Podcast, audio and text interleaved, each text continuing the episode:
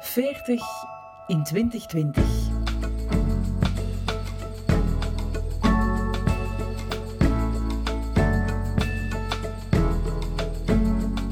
Ik ben Lotte.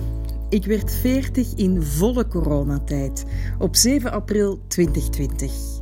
Het plan was om mijn 40ste verjaardag op het dakterras van ons nieuw Via Via reiscafé in Marrakesh te vieren, samen met Rachid, mijn man en ons zoontje Nizar. En ook samen met enkele vrienden die tijdens paasvakantie mijn nieuwe woonplek kwamen ontdekken. Maar dat feestje ging helaas niet door. Ik werd wel gewoon 40. En dat is voor mij een moment van veel veranderingen en uitdagingen voor de toekomst. Maar het is ook een moment om terug te blikken, samen met fantastische veertigers uit mijn ruime vriendenkring. Ons geboortejaar 1980 hebben we gemeen, ons levensverhaal is telkens uniek. Dit is 40 in 2020.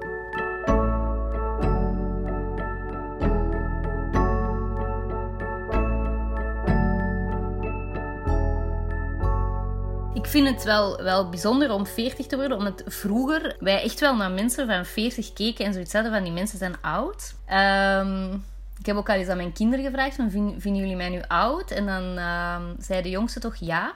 Ja, jij bent best wel oud, want jij bent 40. Ja, in hun perspectief is dat ook logisch. Maar ik merk dat ik, dat ik zo zelf 40 zijnde nu helemaal anders kijk naar, uh, naar die leeftijd. En anderzijds is het ook wel, als je denkt dat je ergens iets in de 80 wordt gemiddeld, is 40 ook wel zo het midden van je leven. En, en dat vind ik dan weer wel een beetje griezelig. Dat je zo denkt, oei, ik ben al in de helft.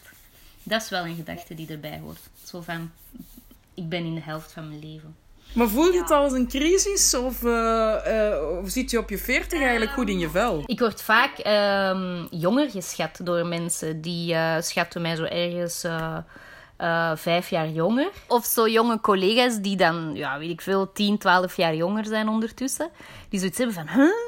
Dan heb je zoiets, oké, okay, Ja, ja, fijn. Dus, dus eigenlijk eh, zegt het wel iets over het feit dat je precies toch niet heel graag 40 wilt zijn. Dit is Hanna Verrijken. Sinds 16 april 2020 is ze 40. Ze is moeder van Quint en Saar, die zijn 12 en 7 jaar. Hanna is getrouwd met Brecht en ze werkt deeltijds als beeldend in een psychiatrisch centrum. Daarnaast start Hanna dit jaar met Verder. Dat is haar eigen zaak met een collectie urnes in keramiek.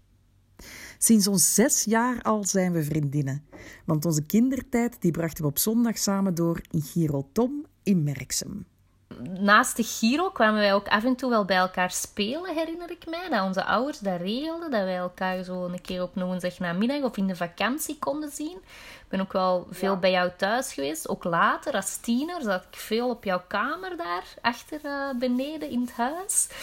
Um, dan luisterden wij naar, uh, weet ik veel, Hedernova. En de laatste twee jaar van het middelbaar hebben we samen op school gezeten. En dan fietsten we ook echt elke ochtend samen naar school. En ik denk ja, zeker, zeker als, als tieners is onze vriendschap wel heel hecht geworden, denk ik. En zijn we eigenlijk altijd wel ehm, betrokken geweest op elkaars leven.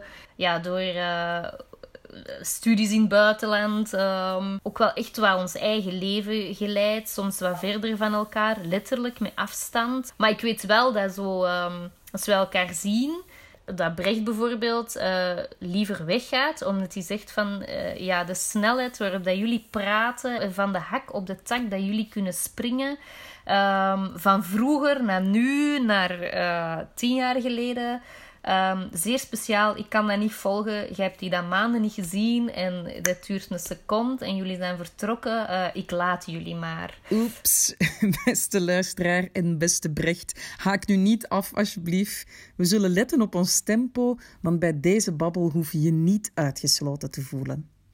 We hebben het deze aflevering over de impact van het herseninfarct dat Hanna moest verwerken, over toegewijd ouderschap, over verhuizen en over het nieuwe keramiekproject van Hanna. Hoe um, voel jij op dit moment, Hanna? Hoe sta jij in het leven nu? Ik voel meestal niet één ding uh, um, tegelijkertijd. Meestal uh, is er wel een beetje een mix van uh, gevoelens. Ik, ik vind op dit moment mijn, mijn leven best wel spannend. En um, ik heb mezelf een uitdaging gegeven. En uh, dat, dat, vind ik wel stressy of een beetje spannend. Dus daar ben ik langs de ene kant uh, word ik er blij van, omdat ik dat doe, omdat ik dat durf, omdat ik dat wil.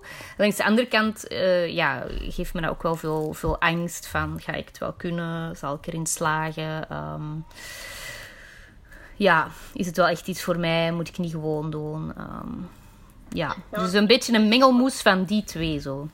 Je vertelt het als het is je eigen keuze. Dus vertel eens, voor wat heb je jezelf eigenlijk uitgedaagd? Het is eigenlijk een beetje toevallig gekomen. Dus um, ik ben professioneel creatief bezig, maar ik ben ook graag in mijn vrije tijd. Uh, blijf ik mezelf graag uh, creatief uitdagen, wil ik nieuwe dingen leren kennen. Um, en toen ben ik eigenlijk teruggegaan naar een oude liefde. Um, ik had zoiets van, oh, ik, ik voelde ook wel echt veel um, voor, voor uh, het werken met klei, met keramiek. Oh, ik vond pottenbakken altijd al wel heel ontspannend. Had het vroeger al wel een paar keer uh, cursussen in gevolgd. Uh, in mijn opleiding ook wel veel met klei gewerkt.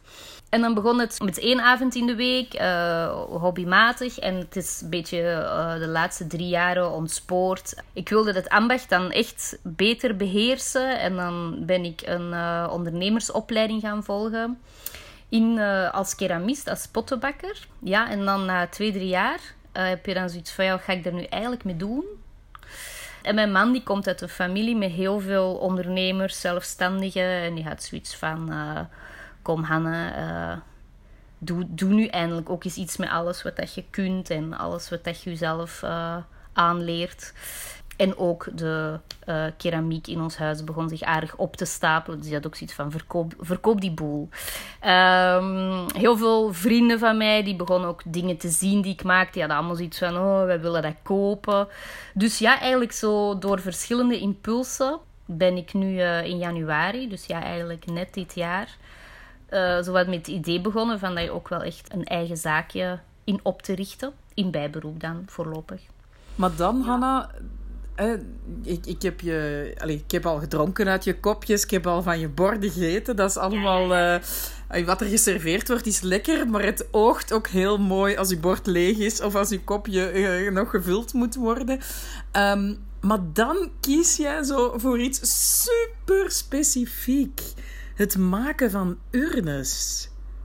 Allee, dat, dat, dat, dat vind ik echt frappant. Ja, ik... Um ik, ik, ik merk dan dat, ik denk dat ook mijn achtergrond als therapeut is, ik merk dan dat eigenlijk um, het maken van een bord of een kopje, dat, ik dat leuk vind, maar dat verdwijnt ook gewoon in de kast. En, um, en ja, het maken van een urne, waar, waar, waar iemand de assen van zijn, van zijn overleden geliefde persoon in zal bewaren. Um, ja, dan, dan voel ik zo, dan, dan, dan is het stuk dat je hebt gemaakt, dan is die, die urne, ja, die, die krijgt plots zoveel meer betekenis dan het kopje van de tien die er in een kast staan. En zo, dat stuk is iets dat um, heel veel keramisten ook wel wat afschrikt. Die hebben zoiets van, oh, dat wil ik niet maken hoor. Um, nee, dat is dan net bij mij hetgeen wat me aantrekt om, om net dat extra... Um, die extra betekenis te hebben of zo, met wat je maakt.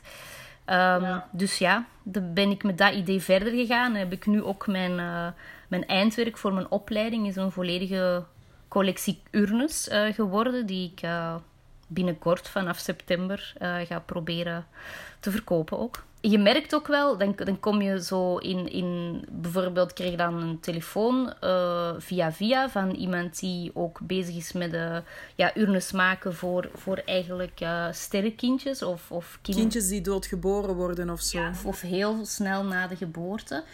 En blijkbaar is er heel veel nood om de assen van, van, van die kindjes te koesteren, te te bewaren thuis, maar wel op een speciale manier. Echt doordacht met de juiste symboliek, de juiste kleur, met de juiste ehm, materialen die, die, die passen bij die mensen en, en hoe zij dat willen. En ja, zo daarmee over nadenken met mensen en dat samen uitzoeken, ja, dat, dat vind ik dan zo precies net dat extra. En dan wil ik veel liever dat doen dan tasjes, borden en zo maken.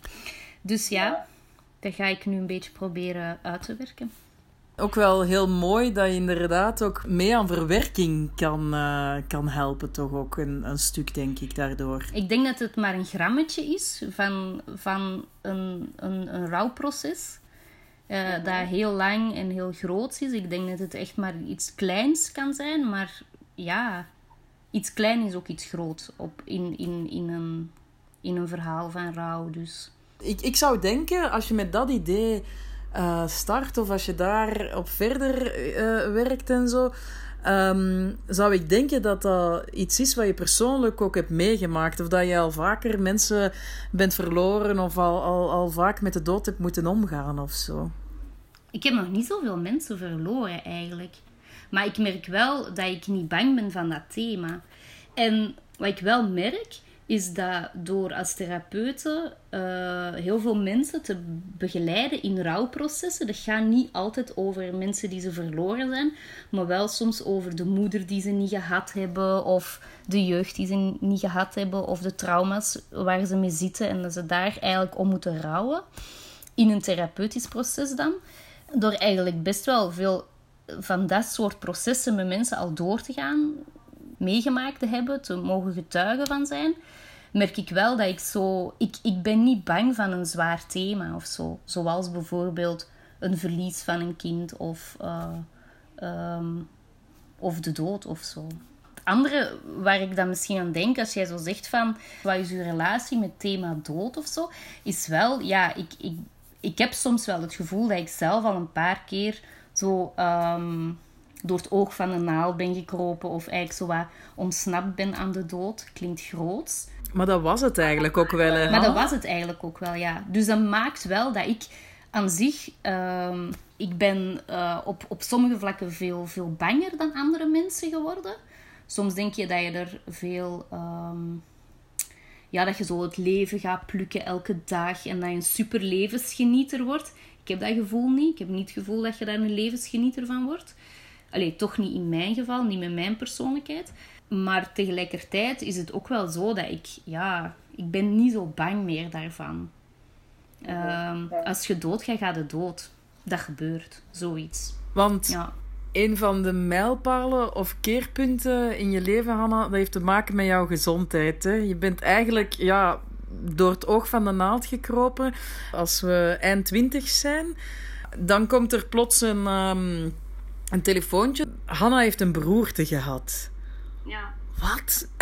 ik bedoel, dat is zoiets. Dat is nu eens echt iets voor oude mensen. En dan nog veel ouder dan 40, hè? Ja.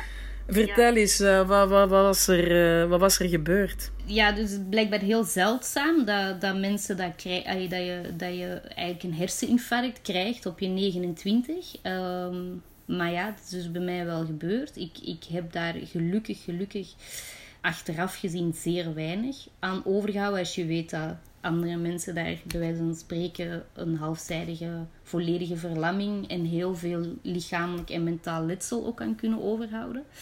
Maar dat heeft ook heel veel te maken met de plek waarop ik was. Ik werk in een ziekenhuis. Ik heb dat daar gekregen op een moment dat uh, eigenlijk acht, negen verpleegkundigen bij mij waren, op mij zaten te kijken, die meteen, meteen eigenlijk uh, heel correct, op de juiste manier uh, gereageerd hebben. En die eigenlijk, dat zijn mijn collega's, die hebben eigenlijk mijn leven gered.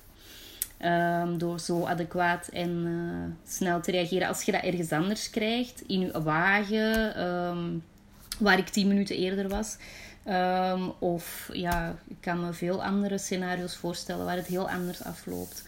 Dus het is na een lange revalidatie. En ik heb ook in uh, de nasleep daarvan een hartingreep uh, moeten ondergaan en zo. Dus ja, wel heftige dingen om zo net voor je dertig even te slikken. En, en dat, dat heeft onmiskenbaar impact op de, op de rest van je leven. Dat kan, dat kan niet anders. Uh, hoe je kijkt naar de dingen of um, ja, hoe je in het leven staat.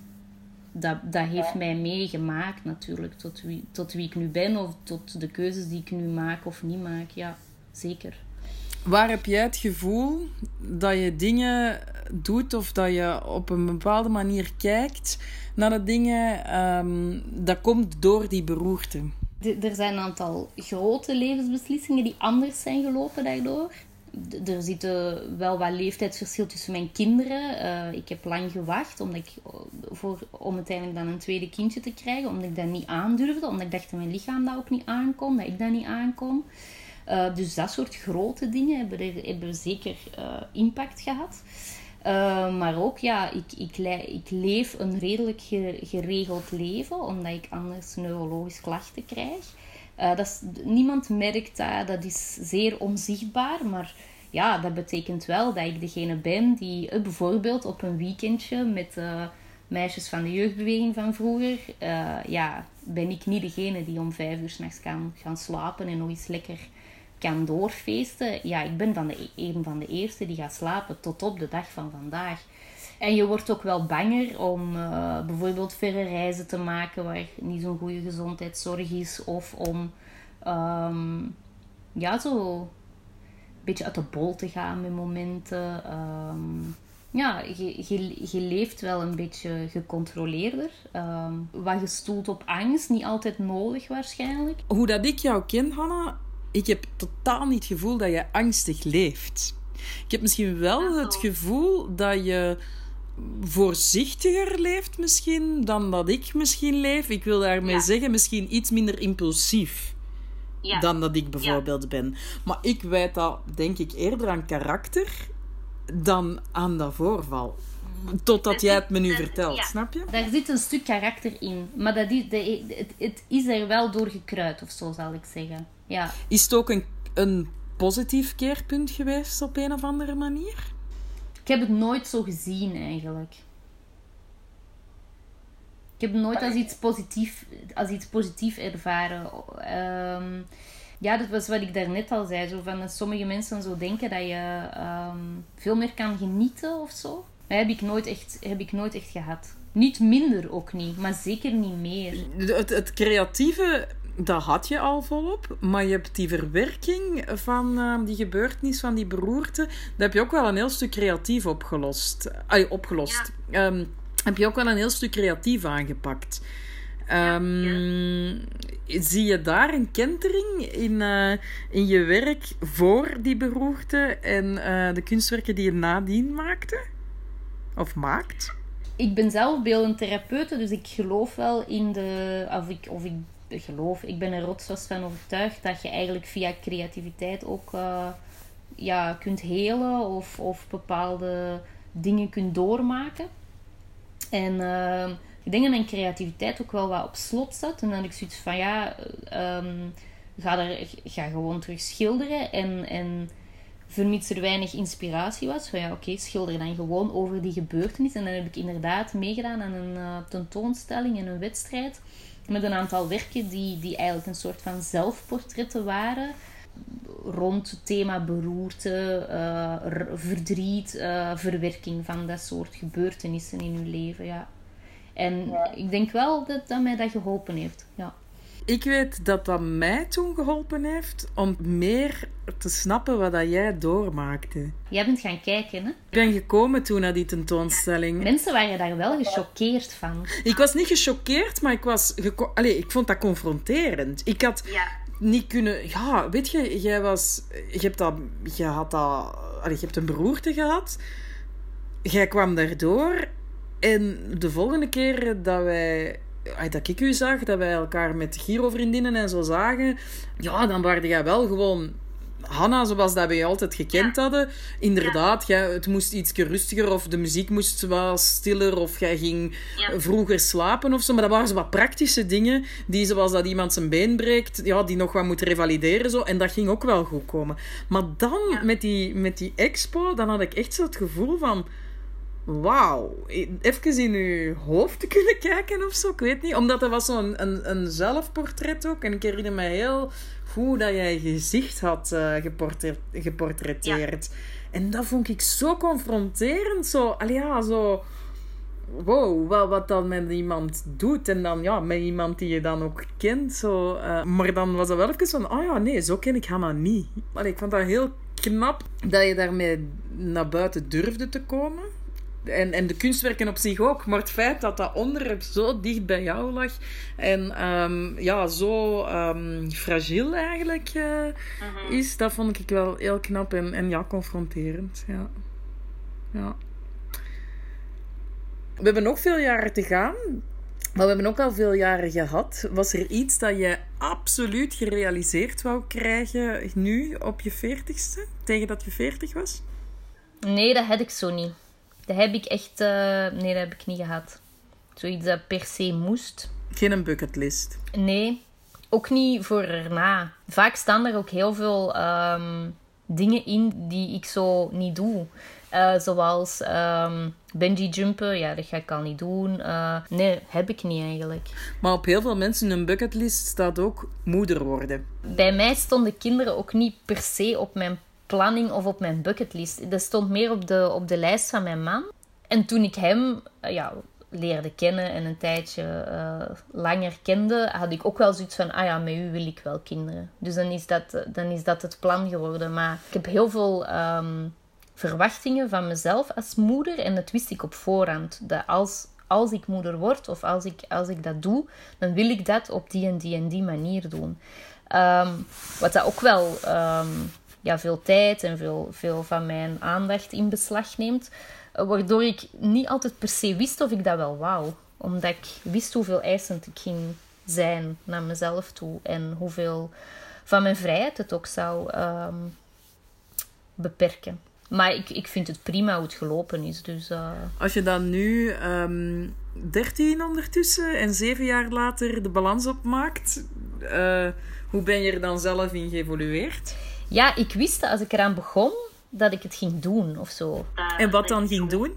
Het ging doen? Ja, dat ik moeder ging zijn zoals ik het wou. Dus uh, met alle veel eisende boxen die ik daarin wilde aantikken. En dat ik daar veel tijd en, uh, en ook dingen voor wou opofferen, dat dat, dat, dat mij ging lukken of zo. Dat, ik dat, dat mij dat niet zwaar ging vallen. Op momenten ja, valt dat u wel even zwaar. Maar ik bedoel, over, over het algemeen ja, wist ik gewoon van, als je, als je kiest voor een kind, als, dat is, is zo'n heel rotsvaste overtuiging, als je kiest voor kinderen, dan kies ervoor en dan moet je er zijn. En ik wist dat als, als ik moeder zou worden, dat ik dat zou doen. Dat ik er zou zijn.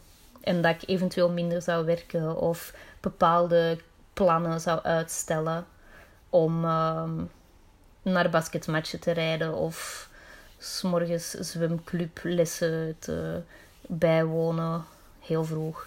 Dat soort dingen. Ja. Ik hoor dan andere veertigers zeggen.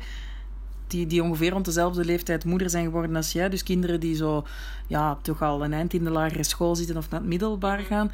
Die zeggen, ja, nu begin ik wel zo'n beetje een vrijheid terug te krijgen.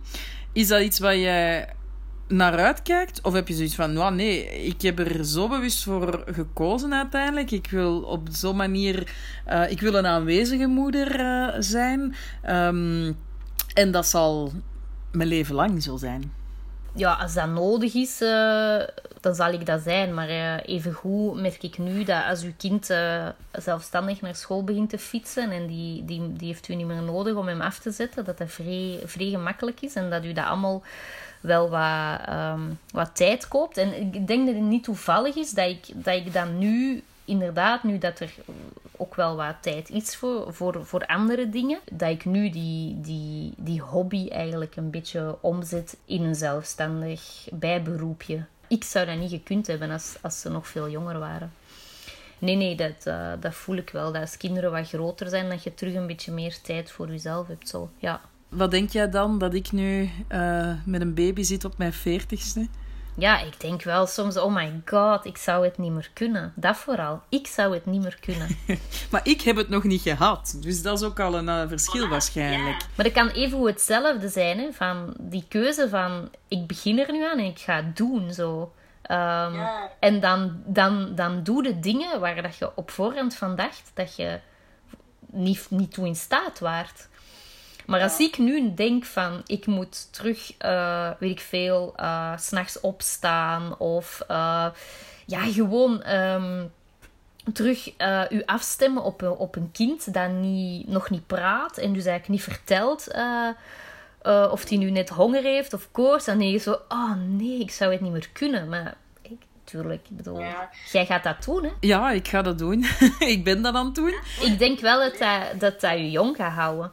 Tegen nu zeggen ze over eh, tien jaar nog steeds dat je er 35 uitziet. Hè? Dat heeft alles met, met Nizar te maken. Hè? Wie weet. Ja, je, je zit wel ook mee in de leefwereld van je kind. Ik bedoel, ja, je bent op de hoogte van, van alle games en uh, de YouTubers en de, uh, ja, welke dingen dat je wel en niet mag dragen ja, weet ik nu van, bij wijze van spreken, jongens van 12. Ja, ja, ja. En ik weet dat nog niet, maar tegen dat hij 12 is, ga ik dat ook weten, ongetwijfeld. Ja, hè? ja, ja, inderdaad. Ja. Hanna, wij hebben elkaar leren kennen in Merksem, waar we alle twee geboren zijn.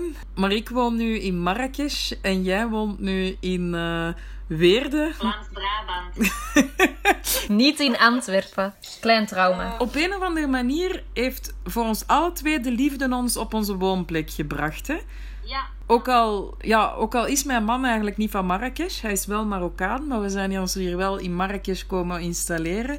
Ja. Allee, voor mij is dat wel, um, ja, is dat dan uiteindelijk een evidentie geworden om naar hier te komen. Ook uh, verbonden aan uh, de Via Via die we natuurlijk hier openen. Maar ik had op voorhand nooit gedacht dat ik ooit in Marokko zou komen wonen. Er is altijd wel iets, en ik denk dat je dat kunt bevestigen, dat mij naar het buitenland en meer naar Afrika heeft uh, gedreven. En dat iets was dan heel vaak uh, de liefde, absoluut. Maar ook de liefde echt voor het continent. Daar ging ik eigenlijk altijd vanuit. Daar ging ik altijd vanuit. Die ja. Lotte land in Afrika, ja. Ik wist niet wanneer, maar het ging gebeuren. Ah ja, voilà, kijk. En het is op mijn veertigste gebeurd. ik heb wel nooit kunnen gokken dat het Marokko zou worden. Dat heb ik nooit... Uh, ik dacht dat het uh, ja, dieper, dieper uh, Afrika, Afrika zou zijn, ja. Ja, het is Noord-Afrika geworden. Maar het is ook Afrika. Ja, ja, ik ben hier terechtgekomen. Zeg Hanna, toch even nog eens over u. Want um, jij had een paar jaar geleden samen met een Brecht een unieke kans om uh, een zalig huis te kopen. Met een gigantische tuin. Het is bijna een park, vind ik. um, jullie hebben dat ook gedaan, maar jij moest er wel voor naar Weerde verhuizen. Ja, en toen bleek dat. Uh dat het uh, niet in mijn geliefde provincie Antwerpen, maar net in Vlaams-Brabant lag, wat ik niet door had eerst. Dus voor ik het wist, was ik plots geen Antwerpse meer.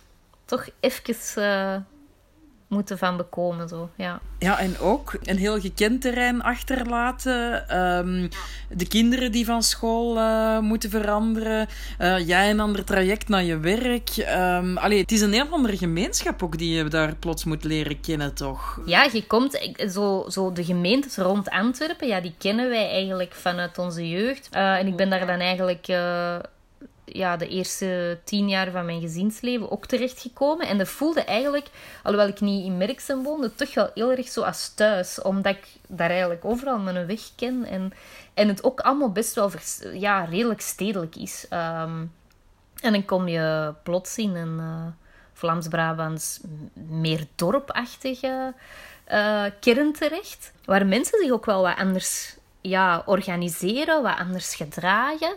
En... Um, vond het wel grappig hoe, hoe moeilijk ik me daaraan kon aanpassen in het begin. En hoe hard ik dat stukje Antwerpen zo miste. En wat was dan voor jou de grootste aanpassing? Vooral zo dat thuis voelen in de omgeving. Niet in je huis per se, maar zo je thuis voelen in, uh, ja, in de buurten waar je komt um, gekend zijn zo. Um, in dat cafeetje heb je dan een keer meegemaakt. En met die bus, ah ja, die redt naar Ginder. Zodat dat alles een verhaal heeft. Als ik nu een bus zag, ik weet niet hoe dat die rijdt. Ik weet niet waar die naartoe gaat. Ik heb die nog nooit genomen. Zodat, dat zo... Dingen hebben geen verhaal. Dat hebt jij nu ook. Zeker in Marrakesh. Ik doe nu zo precies of uh, Vlaams-Brabant is het eind van de wereld. Dat is niet, hè. Maar uh, ja, je hebt dat nu ook, hè. Wat je vertelt is super herkenbaar. Dat vind ik zo frappant, dat er heel vaak gekeken wordt van... Amai, jij verhuist naar het buitenland. Maar ja, verhuizen binnen uh, België is, kan ook al uh, zo'n impact hebben. En ik denk dat eigenlijk het een beetje eenzelfde soort impact is. Het verschil is dan wel dat ik gewoon op mijn job gebleven ben en jij hebt echt alles uh, stopgezet. Hè? Dat is nog wel een pakje heftiger. Okay, ja, bij mij zijn er inderdaad veel, veel veranderingen ja, tegelijk. Echt op alle levensgebieden. Hè? En moeder worden en verhuizen. Ja, en van job eigenlijk wisselen. Ehm, ook nog van statuut, hè, een eigen zaak opbouwen. Ja, het is toch veel, uh, veel verandering. Ja, dat is absoluut waar. Als ik er dan dat stukje uitpak van woonplek, dan vind ik het wel het moeilijkst. Een beetje met wat jij ook zegt, om uh, mijn weg hier te vinden. Ik, ik kan perfect van punt A naar punt B gaan, maar ik bedoel mijn weg te vinden van een tof terrasje, een, uh, een goede bakker of um, mensen waar dat je een klapje tegen kunt doen of zo. Um, iemand die u inderdaad herkent, dat bouwt zich wel stilletjes aan op. Maar um, je hebt inderdaad geen verleden met die mensen.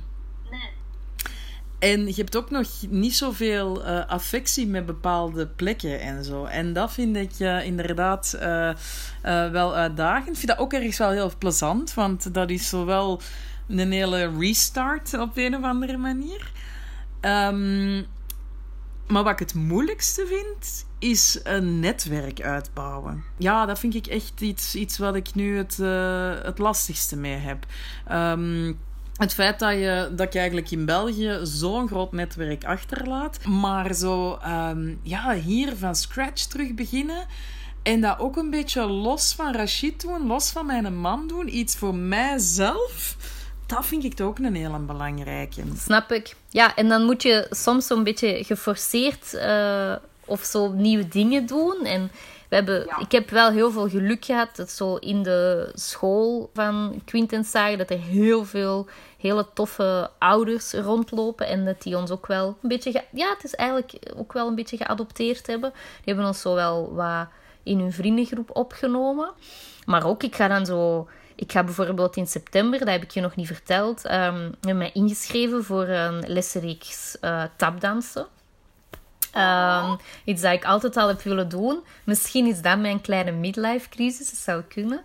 Uh, maar stiekem ja, heb je dan ook wel zoiets van: oké, ja, misschien leer ik nog wel een paar nieuwe mensen kennen. Je moet je wat pushen om nieuwe dingen te doen en ook daar dan, ja, mensen te leren kennen. misschien gewoon om het daar leuk mee te hebben en misschien, ja, meer dan dat. We zien wel zo wat van hoe dat je nu voelt en wat je nu doet op je veertigste, wil je absoluut meepakken naar de toekomst? Ik hoop dat mijn, mijn, mijn zaakje iets wordt. Dat ik kan uitgroeien tot iets. Dat ik daarmee betekenis kan hebben in mensen hun leven. Dat is eigenlijk wat ik hoop. Omdat ik heb in het verleden al wel vaker zo ideetjes gehad. Van oh, misschien moet ik dit doen en misschien moet ik dat doen. Maar ik heb het nooit gedurfd om uh, zoiets op te zetten. En nu voelt het wel juist. Het voelt ook iets steviger, het idee. Of het is een beetje extremer of zo, of sterker. En dat ik voor de rest een beetje gezond blijf. Zo zeer uitzonderlijke ziektes die u overkomen. Nee, dat, uh, dat, dat, was ook voor de eerste helft van mijn leven. Dat zou ik ook graag achter mij laten. Ik denk dat je op dat vlak al, uh, al heel goed bezig bent. Ik wens u een uh, gezonde toekomst. En um, de durf is er, je bent gestart. En ik denk uh, dat je wel in de juiste energie zit om er, uh, om er keihard uh, mee verder te gaan. En, ah, om er mee verder te gaan. Het project heet Verder. Dus verder, ja. ik wens er alle succes mee. Ik ben heel blij dat we hebben kunnen babbelen over 40 in 2020. Merci.